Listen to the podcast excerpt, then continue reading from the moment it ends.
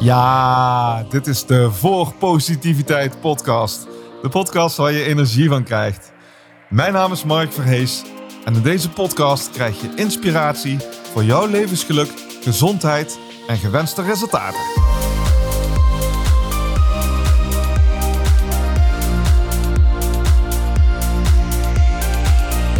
Voor positiviteit.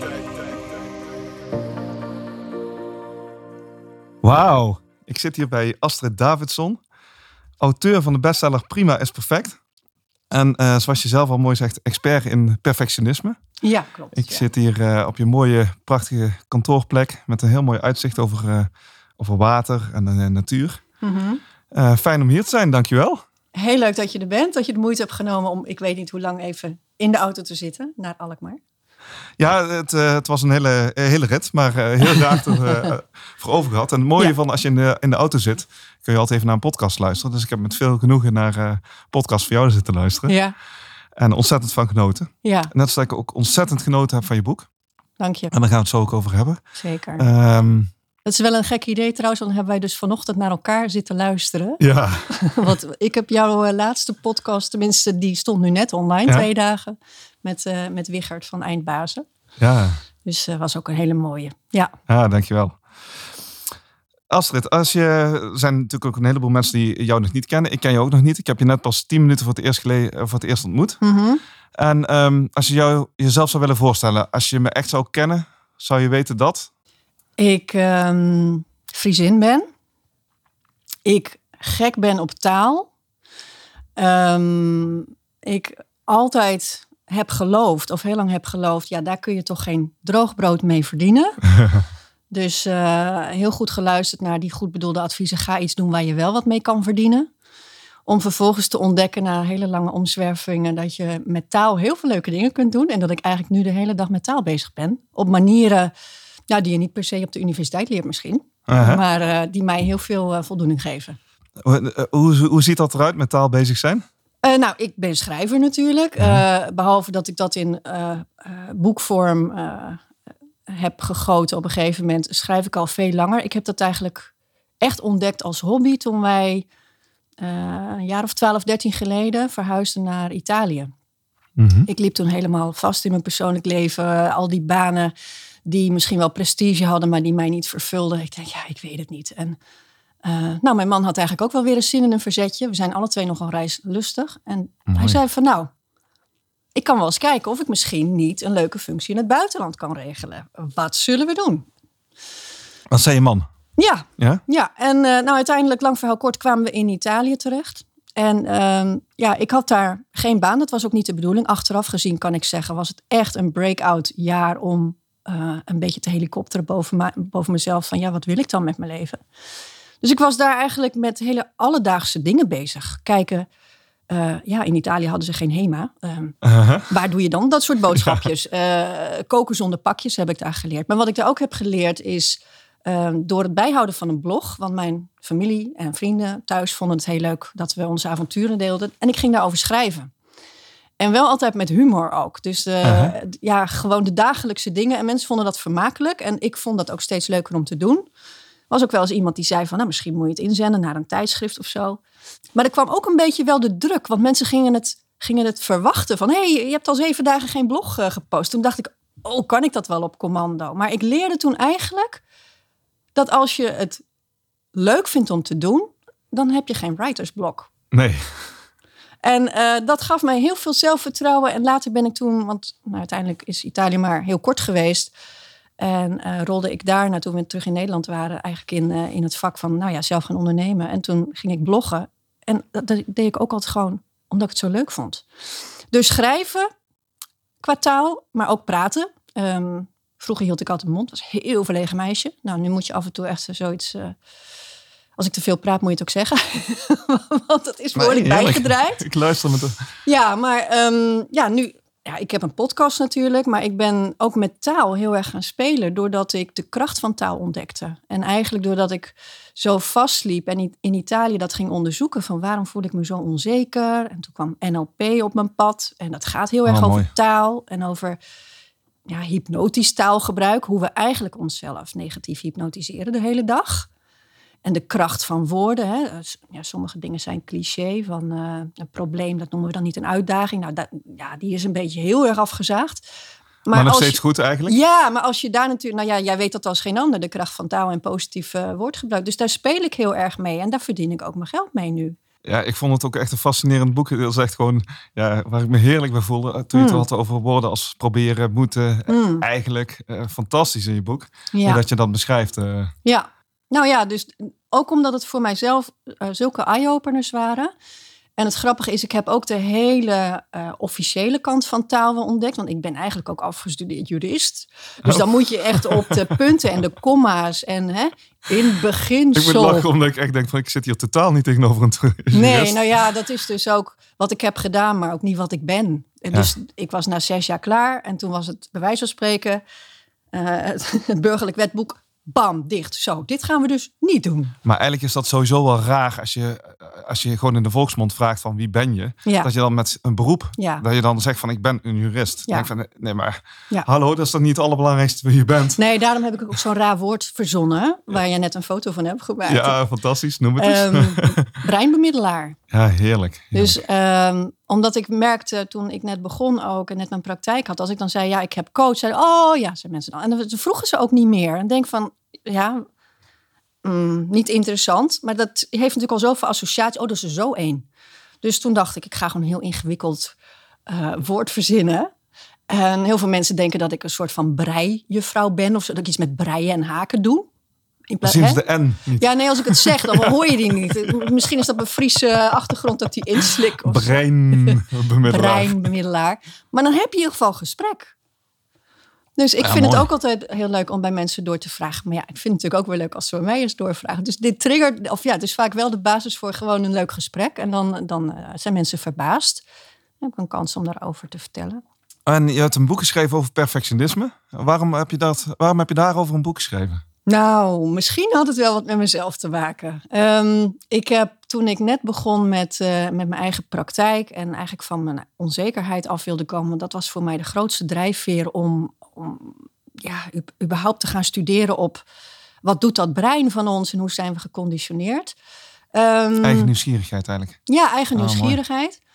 En ja, nou ja, niet alleen nieuwsgierigheid, noodgedwongen, ik moest, want ik liep gewoon vast. Dus zeker toen mijn man op een gegeven moment in Italië zei van nou, dit eh, wordt het niet. Ehm, ja, het klikte niet met de bazin die hij had, dus we wilden eigenlijk wel weer terug. Ik denk, ja, wat moet ik dan?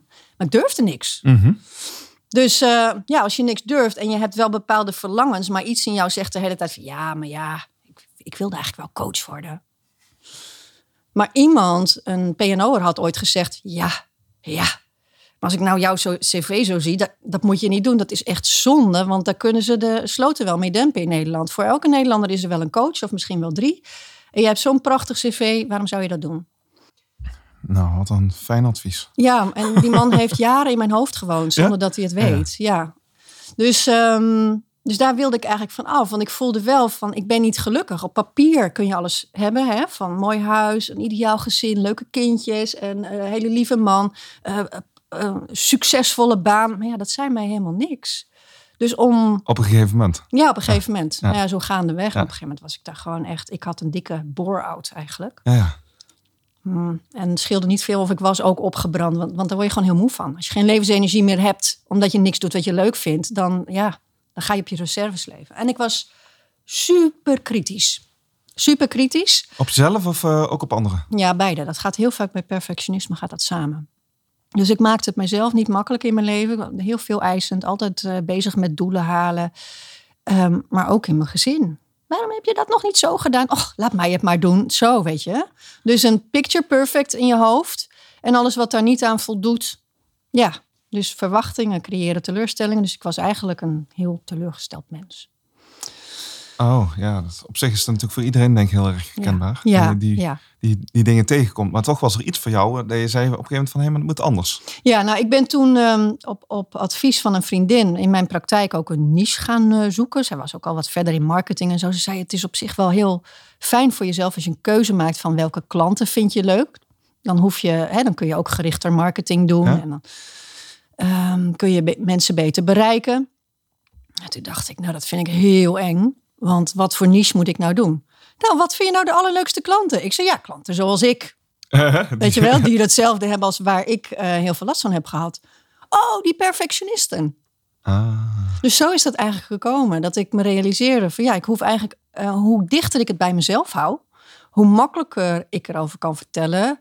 Wat ik ook leuk vind, is om het allemaal niet te serieus te nemen. Dus ook met een vette knipoog jezelf te relativeren. Zodat mensen ook gaan lachen om hun eigen perfectionisme. Ja. In plaats van er nog langer gebukt onder blijven gaan. Maar dat maakte voor mij in ieder geval ook dat het boek echt heerlijk was om te lezen. Het was gewoon echt, het was niet heel zwaar, het was, maar het was gewoon wel spot on. Ja, ja er zijn best mensen, want voordat je nu denkt van, oh, een leuk gezellig boek van Astrid. Ik krijg bijna nog wekelijks wel een mailtje van iemand die zegt, nou, ik kan het, ik trek het niet in één keer. Dus dat mensen er ook echt wel uh, gefrustreerd of boos over kunnen worden, omdat het ze confronteert. Ik hou wel een spiegel op.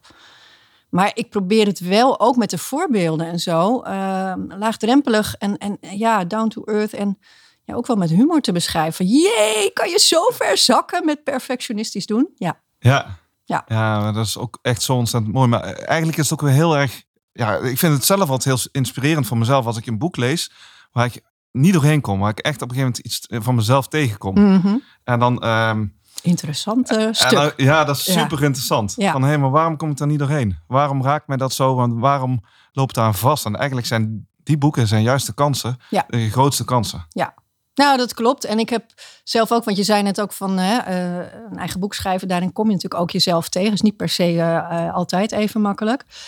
Dus het heeft mij ook, nou ja, van het ontstaan van het idee totdat het er lag, denk ik, zat wel vier jaar tussen. Dus af en toe dan had ik helemaal alweer de zin. Maar nou, dan lag het ook weer drie kwart jaar. Dus op een gegeven moment had ik ook geen zin. En ik zat een keertje naast mijn uh, man in de auto. Die zegt van ja, weet je, anders dan laat je dat hele boek toch zitten. Ik bedoel, dan ga je toch lekker wat anders doen. Nou, toen werd ik zo wit, wit heet. Maar eigenlijk was hij een heel goede coach. Ja.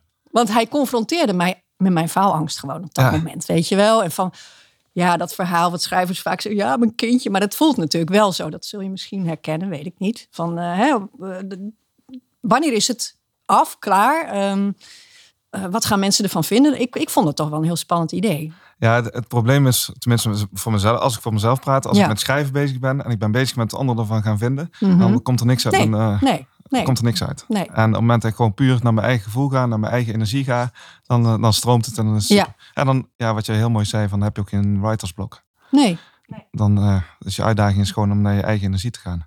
Ja, absoluut. En niet met iets anders bezig te zijn. Ik had met mijn, met mijn laatste boek had ik heel sterk in het begin. Had ik echt gewoon superveel gewoon dingen die ik wilde opschrijven. Mhm. En ik kon maar niet de draai, ik kon maar niet pakken. En mijn boek ervoor was best wel een, ja, een grote bestseller geworden. Ja, ja. ja, en toen had ik echt het gevoel van, hé, maar mijn volgende boek moet beter zijn. Ja. En ja, dat is. Maar je slachtoffer van je eigen succes eigenlijk. In de, ja, vreselijk. Ja. En uh, pas op het moment dat ik in de gaten had dat ik, me, dat ik mezelf aandeed, toen ging het stromen. En dan kun je ook een En hoe doe je dat dan? Ja. Dat, dat is natuurlijk wat mensen dan ook willen weten. Van, van, van hoe kom je. Ja, jij bent heel goed in ook positief denken. En... Ja, maar ik weet niet of ik goed ben in positief denken. Want ik vind dat positief denken, daar hebben mensen een heel raar beeld over. Ja, dat is waar. Want ik vind juist, en ik probeer dat juist heel open te zijn, altijd ook over de dingen die niet goed zijn in mijn leven. Ja. En uh, ik ga ook niet vertellen dat die positief moeten zijn. Uh, ik, kom heel veel mensen tegen die dan tegen mij zeggen van, oh, uh, ik moet positief blijven. Mm -hmm. Nee, alsjeblieft niet. Nee. Nee, als iets niet fijn nee, is. Nee, maar op het moment dat iets niet fijn is, ga je dan even niet verder met je hoofdstuk schrijven, denk ik. Nee, nee, nee. Ik kan alleen maar goed schrijven als ik goed in mijn energie zit. En uh, dat is mijn, mijn grootste uitdaging, is ook gewoon altijd eerst goed in mijn energie zitten. Maar dat is, ja, weet je, dat is eigenlijk voor, voor de hele dag toch? Ook, ook voor ja, nu. dat is ook zo bij alles wat je doet. Ja, het, uh, het begint, uh, ja, dat heb ik ook geleerd met hypnosesessies. Het begint met je intentie. Ga zelf eerst in hypnose, dan volgt uh, je cliënt wel. Dus je moet zorgen, als ik heel gespannen zit, van nou, ja. eens even doen, weet je wel. Trillend en bevend of onzeker, met zo'n angstige blik mijn van nou, ik ben benieuwd, dit is wel een heel zwaar probleem. Dan gaat er niks gebeuren natuurlijk. Fantastisch, ja. ja. Ik vond het echt, wat ik in je boek ook echt zo waardeerde, is dat je een onderlaag had eigenlijk, tenminste zo heb ik hem zelf gedefinieerd, een onderlaag onder je perfectionisme. Hmm. En uh, waar het ontstaat, wat, er eigenlijk, wat eigenlijk de oorzaak van het probleem is.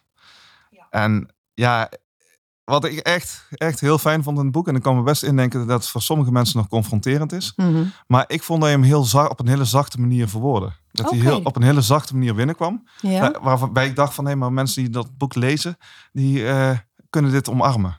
Oh, wat mooi. Ja, dat is ik vond dat je dat heel vrij deed. Ja. Maar wat is voor jou de, de onderlaag eh, van perfectionisme? Wat, waar komt het vandaan? Nou, uiteindelijk is het een, een mechanisme wat ontstaat omdat jij diep van binnen denkt dat je ergens aan moet voldoen of dat je niet goed genoeg bent. Dus het is echt gewoon de aloude sleutel Uh-huh. naar zelfliefde die we kwijt zijn. En perfectionisme is een mechanisme om dat te compenseren. Dus als jij diep van binnen in je onderbewustzijn, hè, van die 95 procent, dan heb jij het Ja, ook altijd over ja. 5 procent, 95.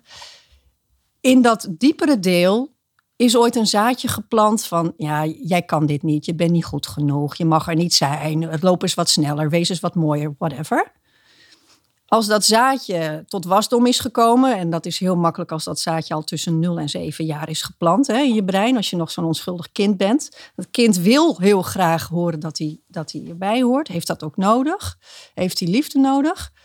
Maar op een of andere manier is er een ervaring, want het, je kunt 99 van de dagen liefde en, en, en, en onvoorwaardelijke liefde krijgen. En al is er maar één dag in die 0 tot 7 jaar bijvoorbeeld, dat je moeder even druk was en zegt van ga even aan de kant.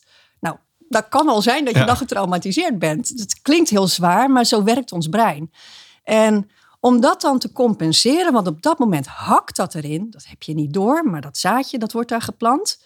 Dat zit daar. En elke keer als in jouw leven dat weer gevoed wordt, weer water krijgt, dat zaadje van ja, maar je bent toch eigenlijk ook niet goed genoeg, weet je nog? Mama die duwde je aan de kant. Oh ja, oh ja, en dat, en dat komt tot wasdom. En om dat te compenseren, ga je dan heel erg je best doen eh, om te laten zien, ja, maar ik mag er wel zijn. Ik ben wel goed genoeg. Kijk maar mijn rapport. Of kijk maar wat een leuke vriend ik heb. Kijk Ja, wat gave auto die eigenlijk. Bewijsdrang. Ja. En het heeft twee kanten, want je hebt dus die bewijsdrang en heel veel ehm ploeterend gedrag komt daar vandaan. Dan ga je Oh, heel erg je best doen. Dus dan is het nooit genoeg. Al heb je verkoopcijfers dat je boek honderdduizend keer, dan wil jij 200.000 keer. Want je kunt toch niet echt in de kern trots zijn op jezelf. Uiteindelijk is het niet goed genoeg. En de keerzijde, maar dat, dat schaart ook onder de, de eh, definitie van perfectionisme, is faalangst. Dat is een ander mechanisme, maar het is dezelfde onderlaag. Het is dezelfde sleutel. Ik denk dat ik niet goed genoeg ben. Om dat te bewijzen zou ik eigenlijk 200.000 miljoen boeken moeten verkopen.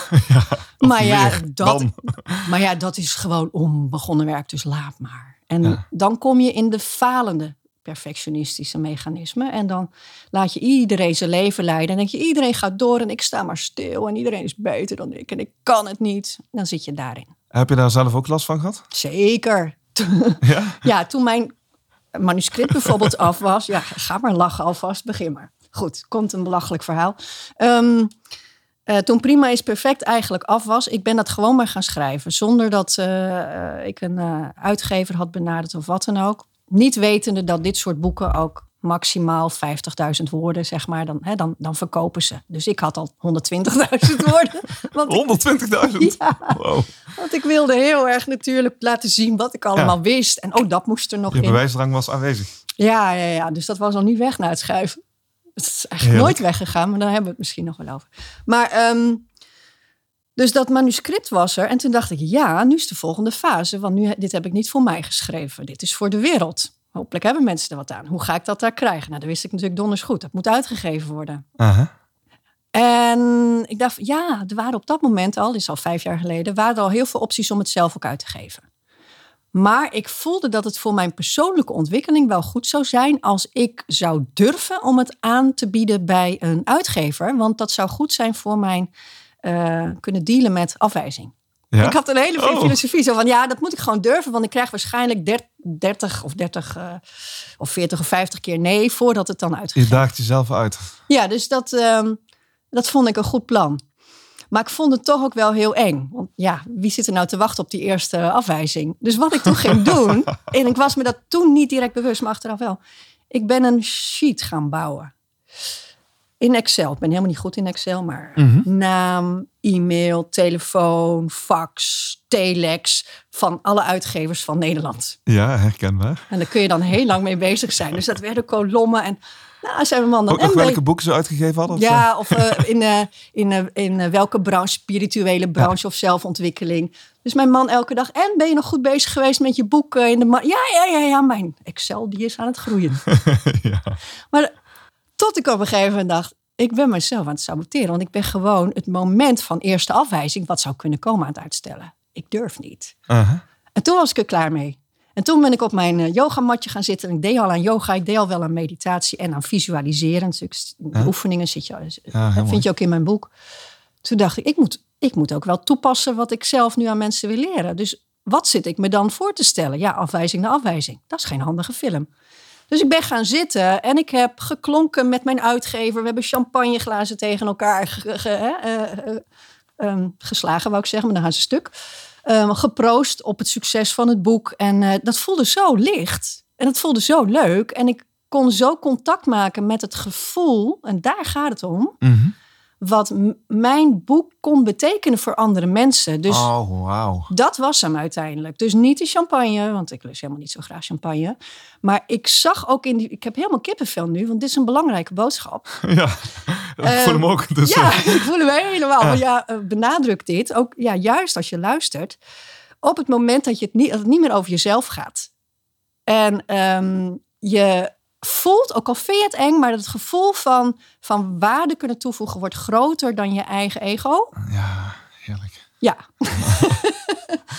dan, ehm, ja, dan, dan, dan zit je hier en nu al in die vibe. Ja, En dan kun je dus ook contact maken. Ik, ja, en jaren geleden zou ik dit niet doen, maar tegenwoordig heb ik het over je hogere zelf. En dat, er- ja, weet je, dat we toch in een kosmos leven met, ja, dat je contact kunt maken met positieve energie of met je gidsen of hoe je het ook maar noemt, mag je zelf weten. de hele dag door. Ja, maar het universum wil dat ook heel graag. Dat je dat gaat doen. Want ik geloof, het universum is één grote positieve kracht. Ja. Het is één en al liefde. Dus die wil meer liefde de wereld in. Dus als jij daar contact mee maakt, hebben ze zoiets van... Ja, ze voelt het, ze snapt het. Go. En eh, nou ja, Wat ik zo mooi aan je vind, eh, aan je verhaal is dat het begon met de vraag van wat ben je aan het visualiseren? ja, Is ja, dat een vraag die je vaak stelt? Want daarmee begon eigenlijk je bewustwording van hé, maar wacht eens even. ja. Ik ben een afwijzing aan het visualiseren. Ja, ja, ja. Het is wat ik ook al jaren eigenlijk deed. Maar het, mom- o- ehm, het feit dat je eh, dingen aan andere mensen leert, wil niet altijd zeggen dat je ze ook de hele tijd zelf doet. Dus je, bent zelf ook, mens. gewoon mens. ja, Dus gelukkig wel. ja, dus ik moet mezelf ook eh, continu betrappen op. Oh, wacht eens even. En we hebben een richtingaanwijzer die gauw genoeg laat weten wat je in je hoofd aan het doen bent. Want dan voel je je gewoon niet, niet leuk en niet lekker en eh, negatief of onzeker. Mhm. Dus, en hoe sneller je daarnaar leert te luisteren. En de meeste mensen die zijn zich dat niet bewust. Die denken, oh, ik voel me slecht. Zie je wel, ik ben niet goed genoeg. Maar ik weet, nee, ik voel me niet lekker. Zie je wel, ik ben iets aan het doen of aan het visualiseren of aan het denken. Wat niet in lijn is met hoe de kosmos mij ziet. Ja, Dat ik namelijk eh, ja, eh, bestaansrecht, heb, eh, bestaansrecht heb. En dat ik hier mag zijn en dat ik mag genieten en, en spelen en schrijven en creëren. Met heel veel plezier. Dus wat ben ik aan het doen in mijn hoofd? En dan kan ik, omdat ik die technieken heb geleerd, vrij makkelijk ook contact met. Oh, wacht even. Ik zat weer allemaal beren op de weg te visualiseren. Dat dit fout zou gaan. En dan is het vrij, vrij makkelijk om dat en, en wat doe je dan? Stel je dan gewoon goede vragen? Of ga je dan ook echt op zoek naar bepaalde beelden of naar een bepaalde Ja. overtuiging? Ja, ik, ik, ik doe het inmiddels grotendeels wel onbewust. Zeker als ik het me bewust ben, dan verandert het bij mij al. Maar als je daar eh, nog niet zo bekend mee bent, een van de dingen is bijvoorbeeld al, wees je bewust van welke gedachten je hebt. Oh, dit, ga, oh dit gaat mij nooit lukken. De meeste mensen zullen niet zo zeggen, oh, dit gaat me nooit lukken. Hè? Nee, want dan... Het woord nooit is heel gevaarlijk in, in combinatie met iets negatiefs. Dat sowieso, maar ook al de toon waarmee je iets denkt in je hoofd. Ga maar eens goed luisteren in je hoofd. De hele dag ben je in gesprek met jezelf. Dus waarschijnlijk gaat het meer. Oh, dit gaat me ook nooit lukken. Nou, die energie alleen al. Kijk of je dan, als je jezelf betrapt, die toon kunt veranderen. Dat is een manier. Mhm. Als je het, als Of je, het op een, op een vrolijke manier kunt zeggen? nou of? ja, wij hebben daar in NLP-land een, een veel leukere techniek voor. Dat noemen we de sexy stemtechniek. Uh-huh. Dus Nou. zeg het dan maar met een sexy stem. Dan hoef je nog niet eens de boodschap te veranderen. Want mensen willen altijd positief denken. Van mijn part denk je de hele dag negatief. Maar doe het dan met een 06-lijn stem, Uh-huh. weet Ja. je wel? Met een raar stemmetje of een ja, of of iets heel Donald anders. Duck Ja. of eh, iets, iets geks. Zodat je doorhebt, oh, dit is slechts een stemmetje. Ja. Dit is ook niet wie ik ben. Dit is een mechanisme en ik kan er wel om lachen. En dat stemmetje herkennen we natuurlijk allemaal. Ja, Zelfs positief ingestelde mensen als ik Ja. herkennen dat natuurlijk ook. ja. En ik denk dat, en ja, ik kan me voorstellen dat ook een hele eh, grote aandeel van jouw succes, maar ik denk ook van, van, van waarom mensen zich aangesproken voelen door hoe ik het breng, dat wij daar eerlijk over zijn dat wij het ook hebben. Ja, Want mensen denken heel vaak van, oh, maar als ik er dan ben, dan heb ik nooit meer een kritisch stemmetje of dan voel ik me nooit meer down. En als je die illusie in stand wil houden, ja, dan maak je mensen heel ongelukkig. Ik heb zelf als ik een boek schrijf, heb ik vaak helemaal het idee dat ik echt met name op zoek ben naar de onzekerheden die ik zelf heb. En dat ik daar heel open, juist gewoon heel bewust heel open over ben. Ja, Omdat ik daar, ik vind het zelf heel fijn om te doen. Voor Ja. mezelf is het heel bevrijdend. ja, En ehm, ja, alleen sommige mensen hebben dan toch nog niet het idee. Die denken dan toch nog van, hé, maar dan gaat hij daar, eh, heeft hij dan toch nog weer een positieve draai aan gegeven. Mhm. Terwijl eigenlijk, weet je, ik wil alleen maar soms alleen maar laten zien dat iets gewoon niet goed is voor me. En dat ik daar in zoek en in, Ja, in twijfel. En, ja. ja. Ja. En je zegt de, de, de oorzaak van succes, maar wat is succes? Hè? Dat is er een heel raar Ja. beeld. ja, dat, ja, dat is ook zo. Nou, succes is voor mij dat ik me zoveel mogelijk dagen gewoon. eh, ja, klopt dat? Is, vind- het, is, het is niet een definitie. Het is eigenlijk een gevoel. Succes is misschien wel een gevoel dat alles goed is. Goed is zoals het is. Ja. Ja, wauw. Mooi. Ik, ik, wat ik echt ook zo... Ik ben sowieso echt eh, helemaal NLP. eh, Ik vind het helemaal fantastisch wat je daarmee doet. Hmm. Eh, de kaart is niet het gebied. Dat was ook echt waar ik heel erg op aansloot. Omdat ik, ik geloof heel erg in alles wat je aandacht geeft groeit. En de betekenis die je er zelf aan geeft. Ja, Die bepaalt hoe je je erbij gaat voelen. Maar ik, vertel al te veel. Vertel hoe dat, dat Wat we daarmee NLP is. betekenen. Ja. Ja, de kaart is niet het gebied. Ehm, het ligt allemaal zo aan de betekenis die je aan iets geeft. En ik weet een van de eerste voorbeelden toen ik dat zelf eh, eh, leerde, eh, zei onze trainer van oké, vraag je aan de zaal. Als ik nu zeg het woord hond, waar denk je dan aan? Nou, mensen mochten allemaal vinger opsteken. Dan krijg je natuurlijk zoveel verschillende rassen en soorten en iedereen maakt daar een beeld bij. Dus dan kom je er al achter van, ja, jouw hond is dus niet mijn hond. En dan hebben we het alleen nog maar over dat woordje.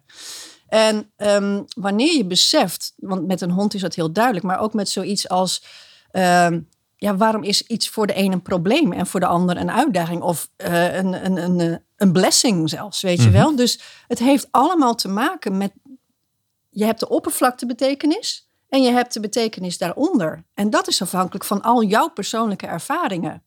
En wat je moeder ervan vond, of eh, je ervaringen op school over dingen.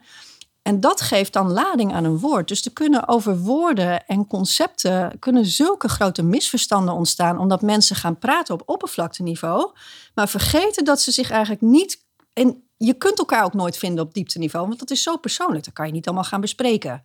Ja, ik noem nu een witte poedel omdat mijn grootvader had in 1843 had. Hè? Nee, dus ehm, heel veel spraakverwarring vindt plaats op dat, om, omdat we verschillend eh, diepteniveau hebben.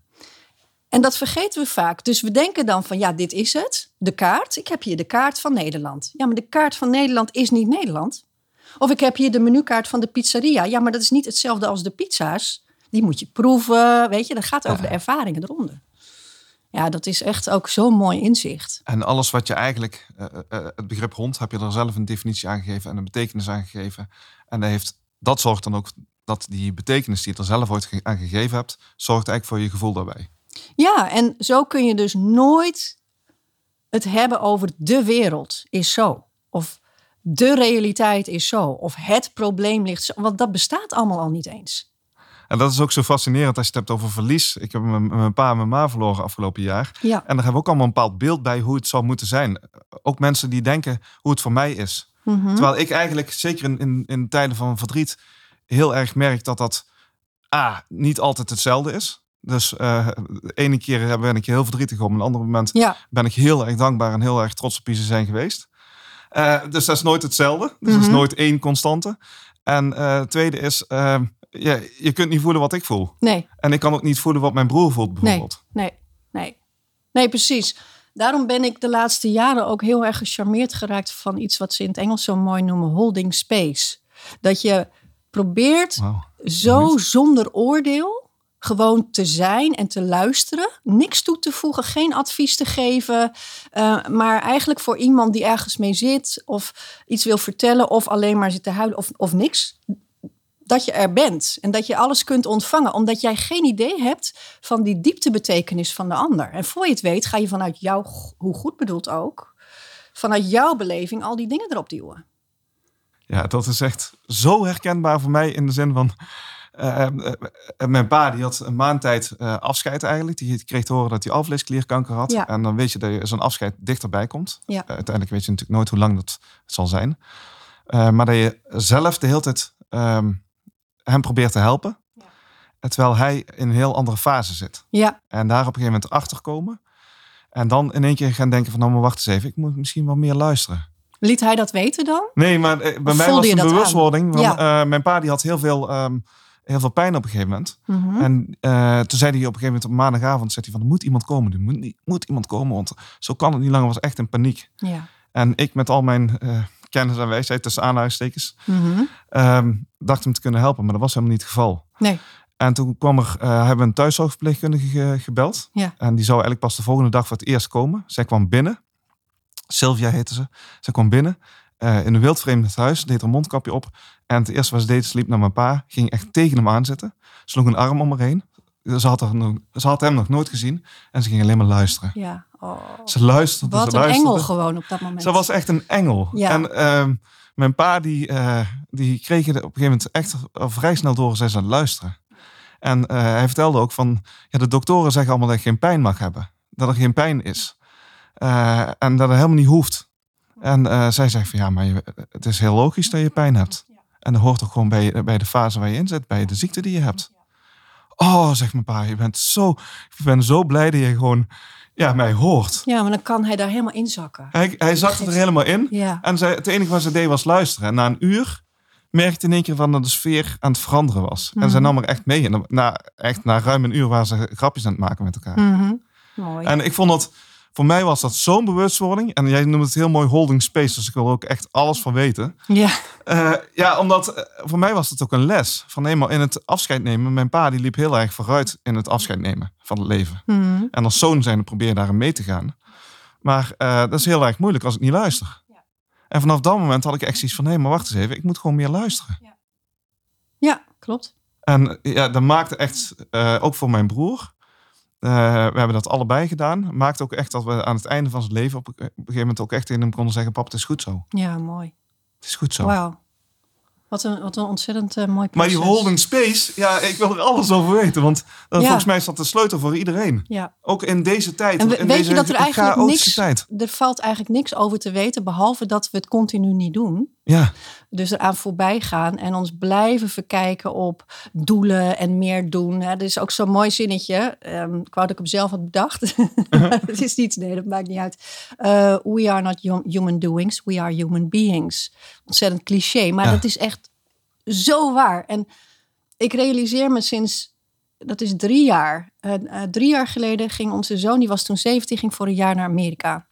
En uh, ja, je weet als moeder op een gegeven moment als je kinderen gaan uitvliegen. Ik dacht altijd heel nuchter, nou weet je wel. En ik ben best wel opgevoed. Dat haal je ook wel uit mijn boek als van nou kom op doorgaan. Ja. En zelf weg geweest. En dat kunnen we. Ja. En de schouders eronder. Maar ik merkte al dat ik een jaar daarvoor al af en toe huilbuien had. En toen had ik, toen, toen, toen heb ik mijn man op een gegeven moment ook geleerd. Eerst ook om het zelf toe te laten. Maar dan zei ik ook tegen hem. Het enige wat ik nu nodig heb van jou is dat je gaat staan als een boom en verder niks zegt. Gewoon kop houden en ik ga nu huilen, weet je wel zo. Oh, dus dan wow. kon hij mij zo vasthouden en kon ik gewoon huilen. Dat vond ik zo fijn. Ik zei, ja, dat was het, dankjewel. Want dat had ik dan nodig. Maar dat is, daarmee geef je iemand een hele mooi beeld, een Ja. hele mooie metafoor. Ja, ja. En dat is eigenlijk holding space. dat is holding space. Ja, gewoon staan als Dus een mijn man die was de eerste keer, had hij zoiets van, ja, maar moet ik dan niet iets doen? Een zakdoekje halen, iets zeggen, Eh, schat, het komt wel goed. Nee, dan zei ik, kop houden. en dat werkte zo goed. Maar toen kwam de dag dat Frank wegging, onze zoon. En dan sta je op Schiphol. Nou, dat was echt gewoon heftig, want hij ging elf maanden weg. Dus ehm, we hebben dat onderschat, mijn man ook. En die was ook altijd heel positief. Die, die dag, het was net alsof onze zoon dood was. Ik weet niet hoe dat is, maar zo voelde het. Het was een stuk Uh-huh. uit mijn hart. En eh, hele lieve vrienden die kwamen tulpen brengen en een doos met tissues. Nou, wow, moest ik ook weer huilen, weet je wel zo.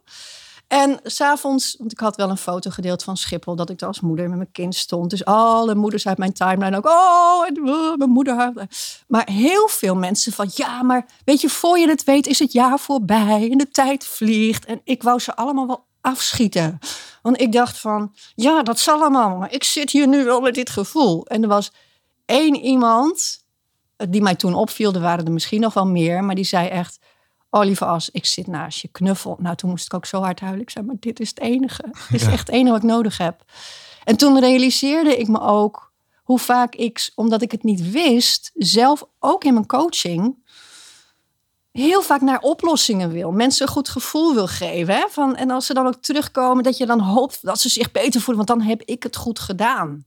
Ja. Het gaat natuurlijk heel erg dan over jezelf. Van ben ik als coach goed? Dus, dus dat hele traject, ik ben nu 12, 13 jaar coach, ik doe steeds minder. Echt fantastisch. ja. Maar zo, dan vind ik echt, weet je, dan ben je echt. Dus gewoon, zo de kern. Ja. Ja. Ben ik als coach goed? Daar gaat het dan eigenlijk om. Ja. Terwijl eigenlijk als jij gewoon als coach jezelf heel erg uh, in jezelf voelt en holding space hebt, dan, ja. ja, dan ben je een, iemand die er voor de ander is. Ja, en dan mag die helemaal zichzelf zijn. En die gaat, dat, nou weet je, al, al, al gaat hij. Misschien is het dan wel een hele geslaagde sessie. als hij een doorbraak krijgt in de auto. dat hij daar heel hard begint te huilen. Terwijl ik dan vroeger zou denken. welke collega moet ik nu bellen? Want I fucked up, weet je wel. Mooi. Mooi. Dat je dan, ja, weet je, dat is natuurlijk heel herkenbaar. Want we proberen altijd onze eigen inbreng daarin te plaatsen. Ja, en we moeten dingen fixen. Want we moeten vooral niet, uh, niet breken en niet gaan huilen. En uh, dat is allemaal niet goed. Mijn pa die kon op een gegeven moment echt helemaal niet meer eten. En, uh, omdat, omdat hij last van zijn alvleesklier had. En uh, wij waren de hele tijd naar hem aan het proberen van, oh, probeer dit nog, probeer dat nog, probeer de hele tijd andere, andere voedingsstoffen mee te, mm mee te mm -hmm. geven om hem uh, toch iets binnen te laten krijgen. En op een gegeven moment zag ik hoeveel pijn dat hem dat deed. En hoeveel moeite dat hij met eten had. Ik op een gegeven moment zat van, ik zei tegen mijn broer van, we moeten er helemaal loslaten. We moeten echt, we moeten hem niet proberen te helpen. We moeten hem niet proberen, te, want dan gaat hij onderdoor en wij ook. Ja. En uh, dat was eigenlijk een vorm van, nee, maar dan moet je het gewoon accepteren dat het gewoon zo op dat moment zo is. Ja, en dat, dat is ook het sleutelwoord. Als je dan hebt over sleutelwoorden of begrippen, holding ja. space, maar acceptatie, dat is het. Dit is nu hoe het is en kun je daarmee zijn.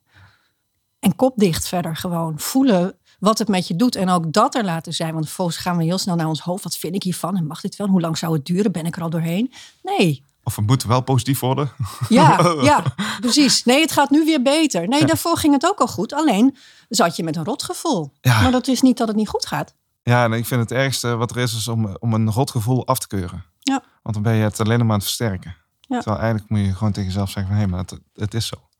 En dat is voor mij ultiem ook zelfliefde. Dat alles ja. er mag zijn. Ja. Mooi hè?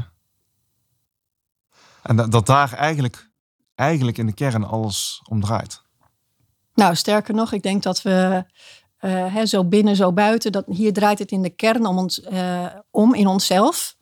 Maar dat draait het nu in de buitenwereld, want als de wereld niet bestaat, de buitenwereld, en dat het alleen maar een afspiegeling is van onze perceptie, dan draait het daar in de buitenwereld nu ook om. Dat we allemaal mogen leren wat er werkelijk speelt en wat werkelijk belangrijk is. En dat we nu dus heel erg uitvergroot zien hoe wij leven in angst. Dat zie je nu heel groot. Ja. Dus dat is alleen maar, het is niet een fijne les misschien, maar ja, de pittige lessen zijn wel de lessen. Ja. Hoe, hoe zei je dat met Wichert nou vanochtend steeds zo mooi? Van alles gebeurt uiteindelijk, het, uiteindelijk wordt, wordt het steeds beter. Dus alles ja. gebeurt met een reden. Ja. Ja, niet per definitie zo. Want kijk, de kans dat je natuurlijk terugvalt in, in het oude, op het moment dat het, oude weer normaal is, mm -hmm. uh, die is vrij groot als je zelf niet verandert. Mm -hmm. Als je zelf geen, geen knop omzet. Ik heb uh, mijn schoonvader toen die overleed. Dat was een van de, ja, een van de bewustwordingsmomenten voor mij. En op dat moment, ik had daarna best wel gewoon de oude, oude draad erop kunnen pakken. Ja. Maar ik had helemaal geen zin om de oude draad erop te pakken. Nee. Ik wilde gewoon niet de oude draad oppakken. Dus nee. uh, je kunt wel veranderen als je er zelf voor kiest. Ja, precies. Maar ook als je niet verandert, is dat dan slecht? Misschien nee, is dat niet je tijd. Of misschien is het in dit leven helemaal niet, je, niet de bedoeling dat je, dat je verandert of zo. Weet je? Dat, maar ja. geloof je dat iets uh, de bedoeling is? Dat vind ik moeilijk. Ik vind het voor mezelf um, uh, misschien niet zozeer de bedoeling. Ik heb het dan meer over ervaringen. Ja. Gewoon allemaal ervaringen hebben. Want dan zit er minder in van het moet ergens naartoe of het moet ergens aan voldoen. En een ervaring is het altijd al. Ja. De, de, bedoeling is eigenlijk voor mij iets van, nee, maar dat is iets wat een doel moet zijn, Ja. dat- zoals het zou moeten zijn. Terwijl je dat eigenlijk vaak helemaal niet weet. Nee, En eigenlijk moet je veel meer luisteren naar van waar krijg je energie van. En daar, daar gewoon je, ja, je energie in volgen. ja. Maar ja, ik heb ook... ehm, ik ken iemand in mijn nabije omgeving die eigenlijk al heel lang best wel heel ernstig ziek is. En vanuit mijn gezonde ogen gezien van... jee, wat heb je dan een dramatisch leven. Maar dan denk ik van wie ben ik om dat zo te zien? Dus dan helpt het mij ook om te denken van... wat als diegene gewoon een hele verzameling aan ervaringen... van hoe dit is om dit in een menselijk lichaam zo te ervaren. Ja, Misschien heb ik dat ook ooit wel meegemaakt. Ja, ik geloof zelf wel in, in, in, in, in dat je vaker dan één keer komt. Dus dat Ja? is, eh, ja. Dus eh, vanuit dat oogpunt bezien is het gewoon... eh, ligt ze misschien helemaal op, op, op schema of zo, weet je wel. Maar heb je, ja, heb je dan een beeld wat je in een vorige leven, levens... Nee, Oké, nee, nee. Nee, en eigenlijk eh, interesseert mij dat grappig genoeg ook niet zo. Hoewel ik ook echt wel eh, daarmee heb gewerkt. En eh, ik geloof ook wel als mensen in regressie gaan... dat ze dat misschien niet allemaal verzinnen... maar echt ervaringen hebben Mhm. aan misschien... Hè, dat hoor je vaak, die clichés van een brandstapel. Daarom zijn we bang om eh, dit te doen. Of eh, in een vorig levenszus of zo. Heb ik nul, nul herinneringen aan. En gek genoeg geloof ik eigenlijk in die zin niet in vorige levens. Want ik geloof ook niet in tijd. oh mooi. Vertel. Dus, nou ja, er wordt toch ook altijd gezegd: tijd is een illusie. En ehm, ik heb van mijn dochter wel geleerd toen die heel klein was. Die kon dan van die ontzettend wijze vragen stellen. Net alsof ze als een soort, nou geen marsmannetje, maar marsvrouwtje zo aan het uitzoomen was op de aarde. En zei ze: Mam, waarom hebben wij eigenlijk grenzen? Weet je, ik denk van ja, diep, diep. Waarom, dat is ook zot. Weet je, als je dat moet uitleggen aan een marsvrouwtje. Dat, ja. Fantastisch. Maar ook, wie zegt dat het nu op Mars, nou hoe laat is het? Eh, hè? Zo laat, want, dus dat is van de aarde volgens mij.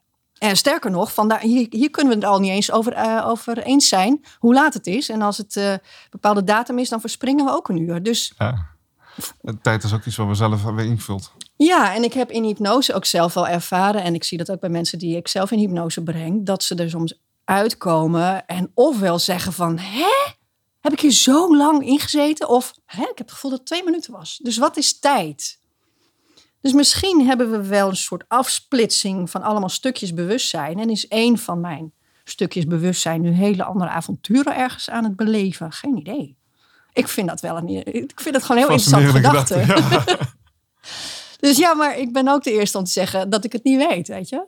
Maar, de, maar ja, dat vind ik het mooie van ons brein eigenlijk. Dat we kunnen overal meteen in één keer zijn. Ja. Op heel veel verschillende plekken. Ja. En op welke plekken wil je zijn? Ja. Dat is een- gewoon een hele belangrijke vraag. Ja.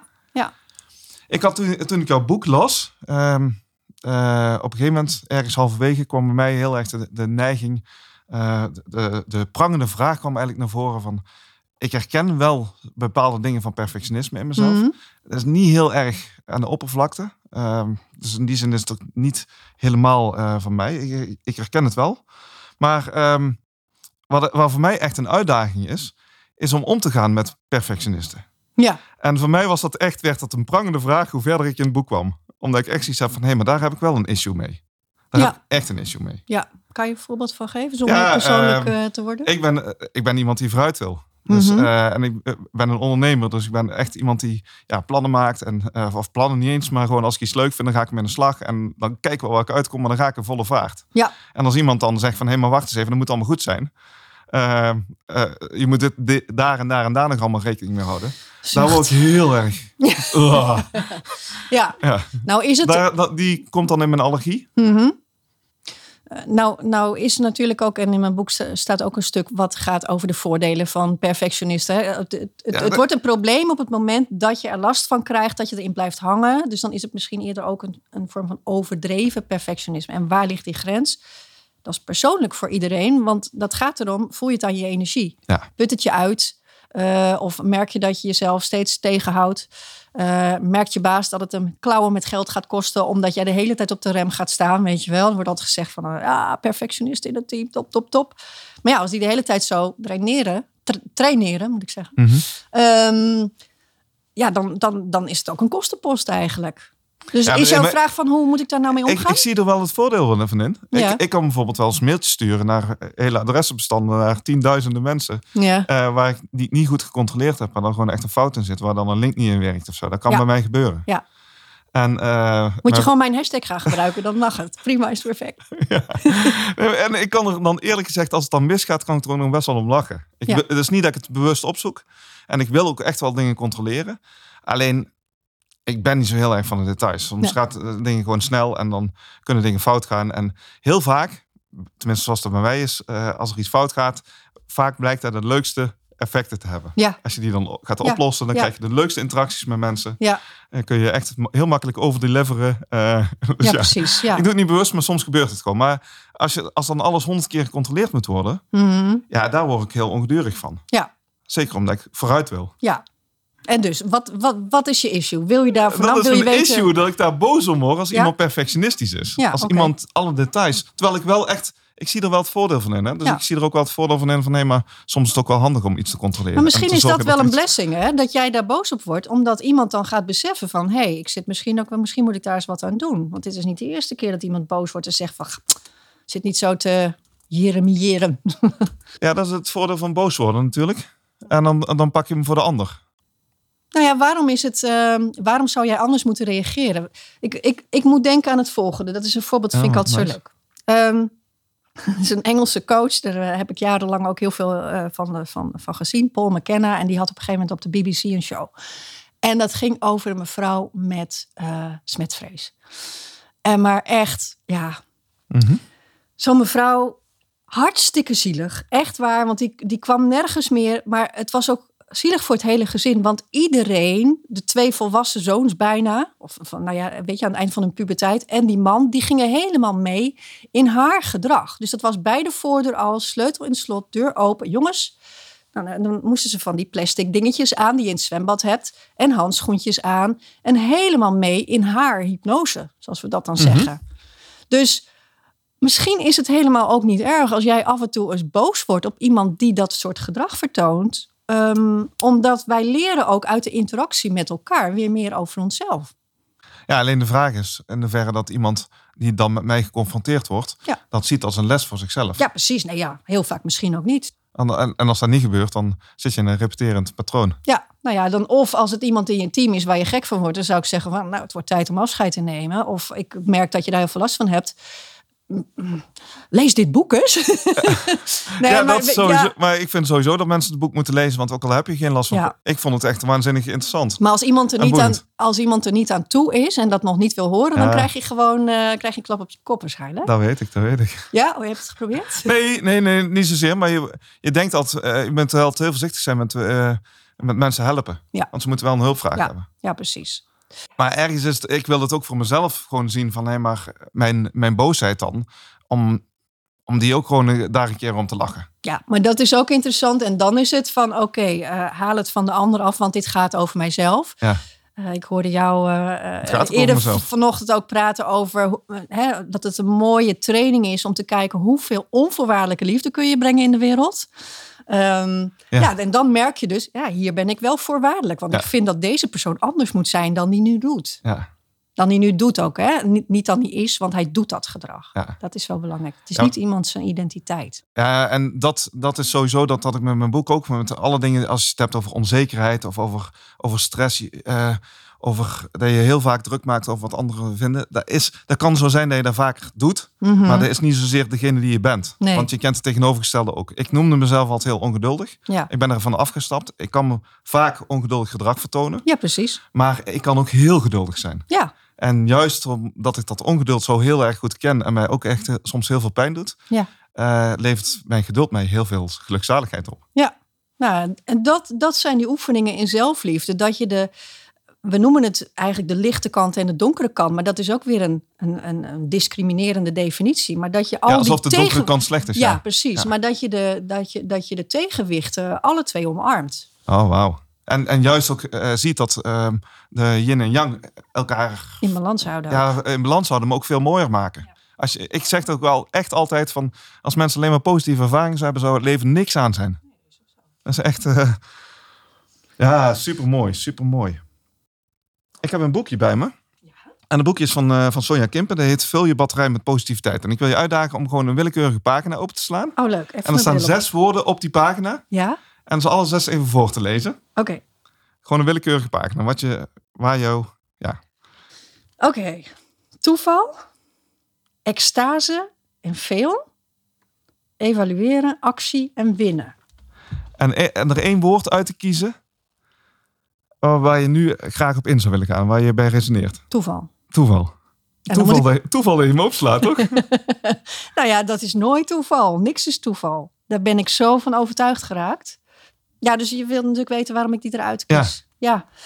Nee, toeval is in mijn leven echt een steeds, of juist niet toeval, maar, maar mijn aankijken tegen toeval is, is, is in, mijn, in mijn leven steeds sterker geworden. Dat ik denk van ja, het, het bestaat eigenlijk gewoon niet. Ik geloof heel erg in energie, dat dat, dat, dat zo van invloed is. Ik zie inderdaad gelijke energie trekt gelijke energie aan. En ik heb altijd een heel mooi schema. Ik laat het jou even zien. Misschien kunnen we het eronder plakken of zo onder de podcast. Maar mijn, luisteraars van mijn podcast, die, die, die gooi ik hiermee dood. Dat is het eh, schema van Dr. Hawkins. ja. En Niveaus van bewustzijn. niveaus van bewustzijn, dat gaat over energie. En de laagste energie die wij als mensen kunnen hebben, hij heeft een prachtige piramide, dat is eigenlijk de energie van schaamte. Nou, je voelt al als je je schaamt, dan wil je het liefst onder een deken. Dan kom je niet in beweging. Eh, nou ja, dat kun je ook linken aan gevoelens van depressiviteit bijvoorbeeld. Mhm. Jazeker. En zo ga je, al naar gelang je hoger komt, wordt de energie lichter. En ja, natuurkundig of kwantum, kwantumfysica-achtig gezien, is de trilling sneller, beweegt die energie sneller. Dus dingen gaan ook makkelijker stromen naarmate de energie hoger is. En ergens bovenin zie je hem ook, want het, vanaf 200 gaat het stromen. 200, dat resoneert met de energie van moed. Dat is het kantelpunt. Daarom is het ook altijd, moet Oh, je mooi. moed hebben om te veranderen.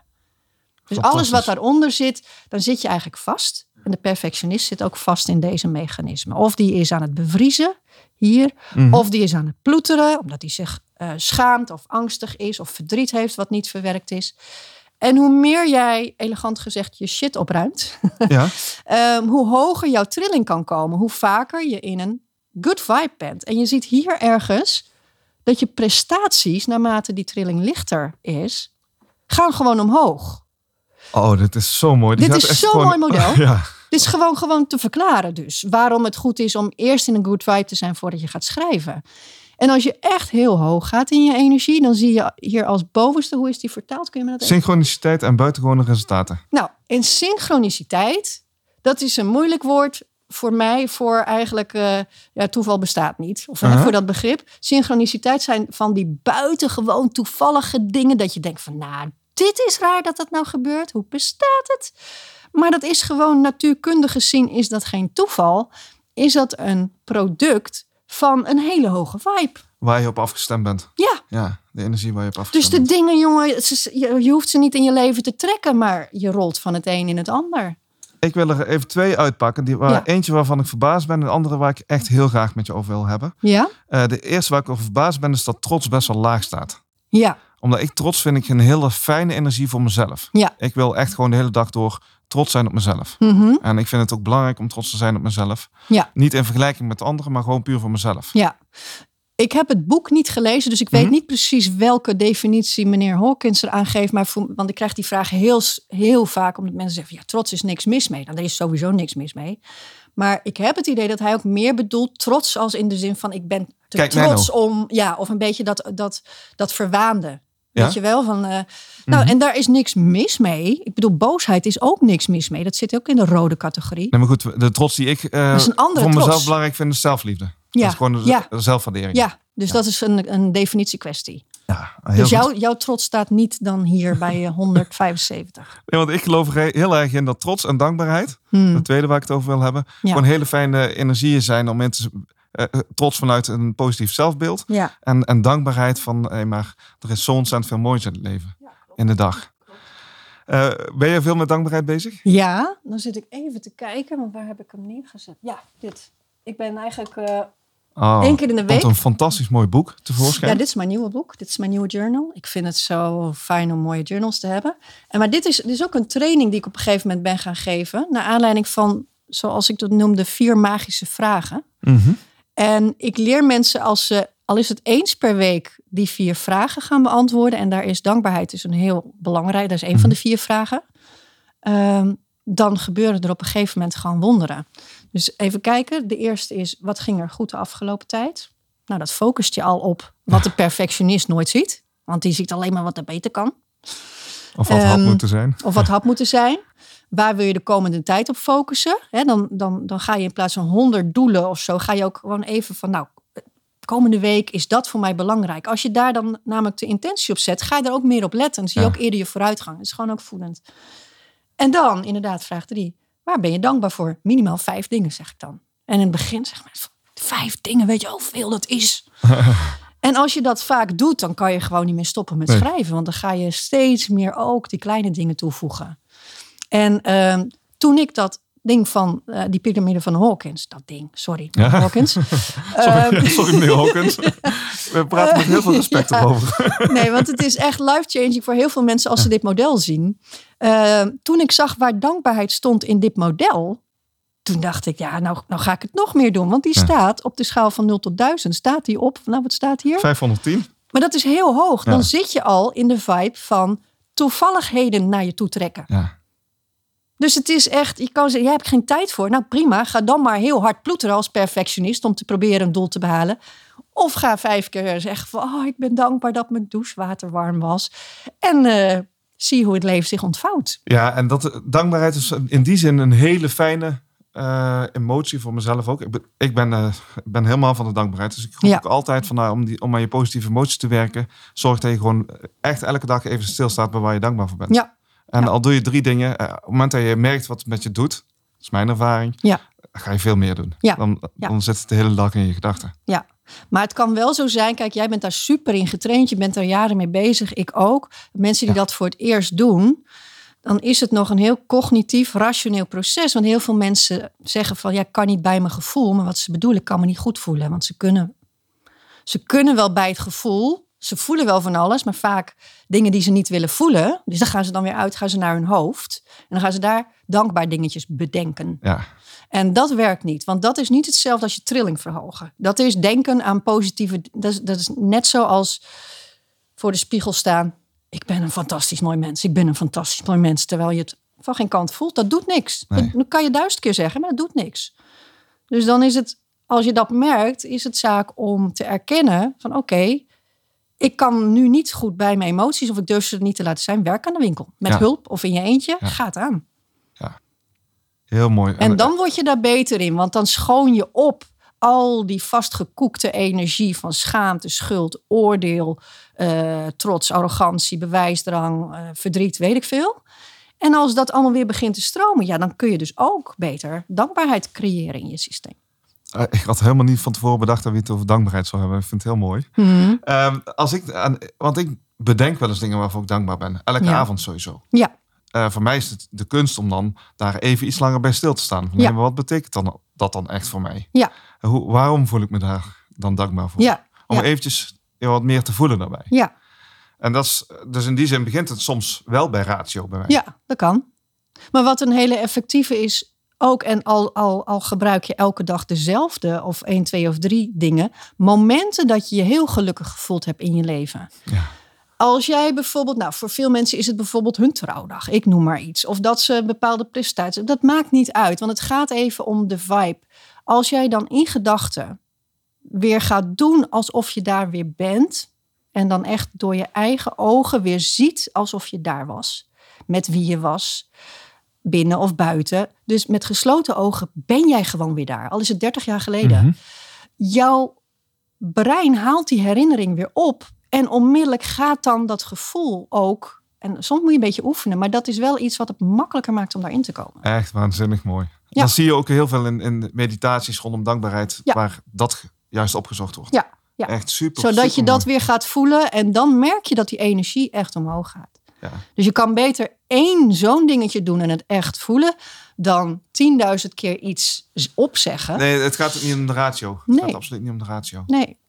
Het gaat niet om wat je bedenkt, het gaat om wat je erbij voelt. En, maar ik vind het wel gewoon, gewoon fijn als ik gewoon als ik hier naartoe rijd en in één keer dat je ergens over iets heel kleins dankbaar bent. Ja, dat is toch super. Maar dan, dan heb je dus inderdaad niks. Dan is je leven gewoon goed. Ja, en dan hoeft er ook En niks. dat is dan succes, denk ik. Is, is dankbaarheid een ehm, oplossing voor eh, perfectionisme?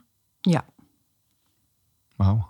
Ja, want als je dankbaar kunt zijn, dat kun je niet als je niet tevreden bent. En hoe, kijk, als jij eh, de hele dag eh, bezig bent en s'avonds alleen maar drie keer even dankbaar voelt, dan heb je nog wat werk aan de winkel, denk ik. Want het is fijn als dat meer en meer gewoon ook wordt wie je bent. In plaats van, god, wat moeten we vandaag nou weer eten? Dat je denkt, oh, wat fijn. Ik ga lekker koken. Ik heb de tijd ervoor. En ik tover wat lekkers op tafel. En straks zit mijn ge- gezin ervan te genieten. Wat leuk is dat. Dat, je, dat het een soort van begint over te stromen in je dagelijkse dingen. Ja, En dat kan eigenlijk alleen, eh, of niet alleen, maar dat, dat kun je wel vergroten. Door maar jij hebt het over, dan heb je, da- eh, eh, heb je werk aan de winkel, maar heb je niet altijd nog werk aan de winkel? Ja. Dat is ook het heerlijke, toch? Ja, of ehm, werk aan de winkel in de zin van ehm, je bewustzijn kan oneindig groeien volgens mij. Dus niet van ik moet gelukkiger worden of beter, want zo zag ik het vroeger. Hè. Mhm. Op mijn tekst eh, of op mijn eh, omslag staat ook nog in vijf stappen je perfectionisme loslaten. Zou ik er nou nooit meer opzetten? Nee? Nee, in vijf stappen je perfectionisme omarmen misschien wel. Ja, loslaten is een heel raar begrip trouwens. Ja, want weet je, wat is het als ik op een dag toch nog ergens eh, een beetje zit, te zit, zit eh, muggenziften over iets? Oh, heb ik dan een mislukte dag? Nee.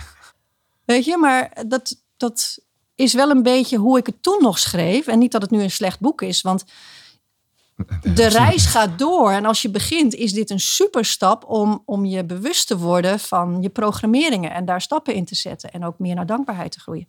Maar uiteindelijk is het ook fijn als je kan zeggen van jeetje. Ik ben zelfs dankbaar dat ik vandaag uit mijn slof schoot. Want dat heeft me dit of dat geleerd. Of weet je? Ja, Ja. Dat, dat is mooi. Dankbaar te zijn voor de dingen die er niet goed Ja. zijn gegaan. Ja. Dat is echt zo mooi. Ja.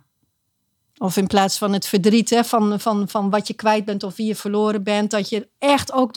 Dat mag er zijn, daar kun je ook dankbaar voor zijn, maar dat je ook dankbaar kunt zijn voor de andere kant. Ja, Ja, ik had toen mijn moeder net was overleden, had ik echt eh, de dagen daarna kreeg ik alleen maar een heel gelukzalig gevoel. Want ik had Mhm. heel het gevoel alsof ze bij me was. En ja, ik was zo dankbaar voor wie ze, wat ze allemaal voor mij gedaan had, voor wie ze, ja, wie ze voor mij is geweest.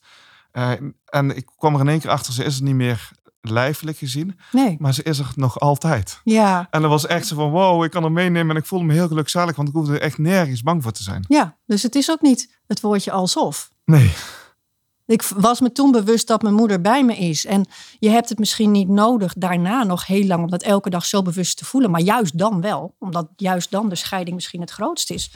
Denk ik dat je moeder toen heel erg dat wilde laten voelen. maar ik vind het heel fijn om, om mijn moeder bij me te voelen. Ja. En te voelen voor, eh, waar ik dankbaar ben voor haar. Ja, mooi. En mijn moeder was onvoorwaardelijk trots op mij. En ja, die hield onvoorwaardelijk van mij. En die onvoorwaardelijke liefde is zo mooi. En daar kan ik gewoon op, op afstemmen. Ja, ja maar en, dat is het. Ja, hopelijk dat iedereen iemand heeft die onvoorwaardelijk van ze houdt. Want dan kun je er altijd op afstemmen. Of gehouden heeft. Ja, en ik denk om het dan misschien, misschien klinkt dat voor een aantal mensen wat spiritueel of een beetje zweverig, maar ik Laat me komen, we zitten erin. Dus ja, weet je, ik denk dat je niet iemand hoeft te hebben, maar dat het leven zelf dat al is. Ja, want stel dat jij nul mensen in je leven hebt die je dat kunnen geven of hebben kunnen geven omdat zij dat zelf nooit hadden, dan nog het leven wilde jou, anders was jij er niet. En daar kun je ook op afstemmen. ja, dat er gewoon één grote universele bron van liefde is. Ja, En dat is er ook echt zo. Dat is ook echt zo. Ik heb eh, jaren terug de zinnetjes ge- gevoeld en ik geef ze nu ook zelf door. Je kunt echt zo gaan zitten. Misschien eerst een dankbaarheidsoefeningetje Mhm. doen om al in die vibe te komen. En dan echt ook zeggen, ik ben de bron. Ik heb alles in me wat ik nodig heb. Nou, als je dat echt gaat voelen, ja, dat is succes, man. Ja, dat is, dat is, dat is gewoon 100% gelukkig zijn op het moment. Ja, Ja. ja, ja. 100% liefde voelen in het moment. Aan het einde van jouw leven, wat wil je dan eh, dat mensen over je zeggen? Of wat wil je dan zelf bereikt hebben? Bereikt tussen aanhalingstekens? Bereikt een Ik heb, ik heb echt al, maar ik geloof dat ik dat zelfs al zei voordat ik dit pad op ging, heb ik al tegen mijn man zo vaak gezegd.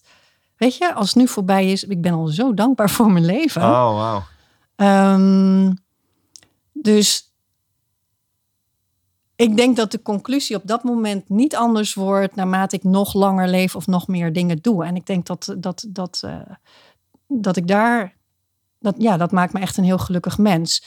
Daarnaast zou ik het natuurlijk wel fijn vinden als ik dat gevoel op nog heel veel meer mensen mag overdragen door wat ik doe. En dat ik dat ook allemaal met heel veel plezier en energie mag blijven doen. Nou, dat gevoel heb je in ieder geval helemaal op mij overgedragen. Ik vond het echt heerlijk om met je te praten. Echt super, dankjewel Astrid. Echt een hele mooie connectie. Ja. En ik zou echt alle mensen die nu zitten te luisteren echt gewoon aan willen raden om ook het boek erbij te pakken en ook jou te gaan volgen. Want ik heb vandaag al heel veel geleerd en ik vond het heel fijn om echt een liefdevolle, warme connectie met je te maken. Dankjewel. Heb ik helemaal ook zo ervaren. Dus uh, super. Toeval bestaat. Nee. Nee. Dankjewel. Wauw.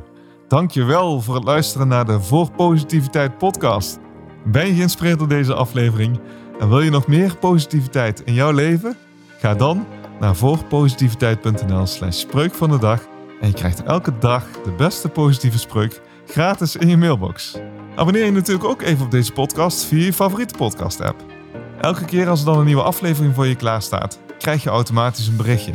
Persoonlijk ik het altijd gaaf om voor jou als luisteraar te horen hoe deze aflevering je geraakt heeft. Heb je een bepaald inzicht gekregen? Of wil je graag iets delen over deze aflevering? Laat dan alsjeblieft een reactie achter op voorpositiviteit.nl/slash podcast. Nogmaals, hartelijk dank voor het luisteren en graag tot de volgende keer.